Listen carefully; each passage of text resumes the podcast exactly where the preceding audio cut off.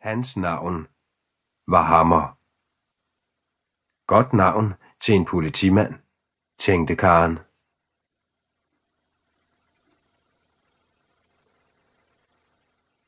Side 5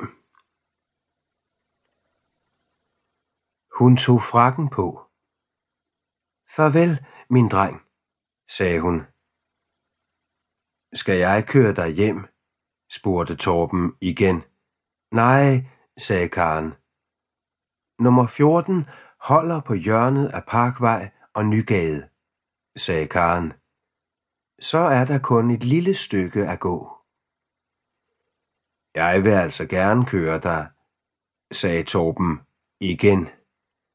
Det skal du ikke, sagde Karen, og dermed var den sag afgjort.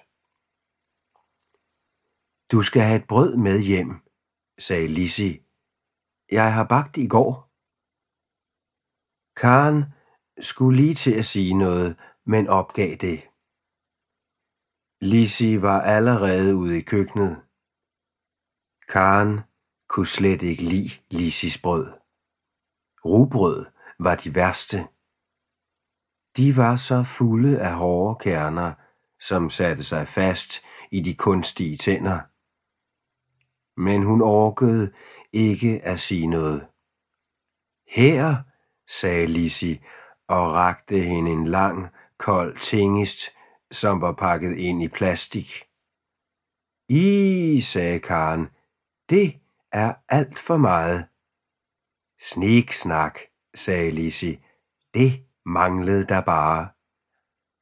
Lisi rystede på hovedet, så de blå øreringe dinglede. Side 6 Jeg mener, det er alt for stort, prøvede Karen igen. Nej, sagde Lisi, det får du hurtigt spist. Det smager så godt. Vi spiser sådan et brød på to dage. Jamen, I er jo også fire. Jeg er alene, sagde Karen. Det kan holde sig. Det er fyldt med gode, saftige kerner, sagde Lissi. Ja, ja, sukkede Karen og tog imod brødet. Uh, det er koldt, sagde hun. Ja, sagde Lissi. Det er jo frosset, men det bliver det kun bedre af. Brødet var hårdt som sten. Karen puttede det ned i sin taske. Fra skærmen lød stadig Hammers stemme. Han sagde, at politiet til hver en tid gjorde sit bedste. Ja, ja, tænkte Karen. Og pengene, sagde Torben. Har du dem? Ja tak, sagde Karen og klappede på sin taske. Dem har jeg. I får dem tilbage igen. Det haster ikke, sagde Lisi. Vi klarer os. Karen bankede på døren til Simons værelse.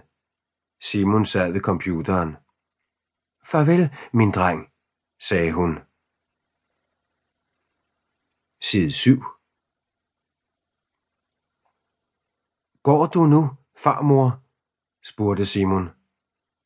Nina kom frem fra sit værelse. Skal du allerede gå, farmor? spurgte hun. Ja, nu skal jeg hjem i seng, sagde Karen og smilede til Nina. Hun lignede sin mor, men var ellers en sød pige. Simon var sin far op ad dage dejlig dreng. Der blev kysset og klappet. Karen sagde farvel og gik.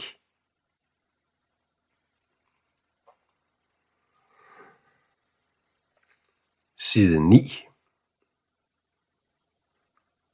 Kapitel 2 I bussen Bussen rullede ind mod byen. Klokken var halv ti, og der var ikke mange med. Kun en mand på hendes egen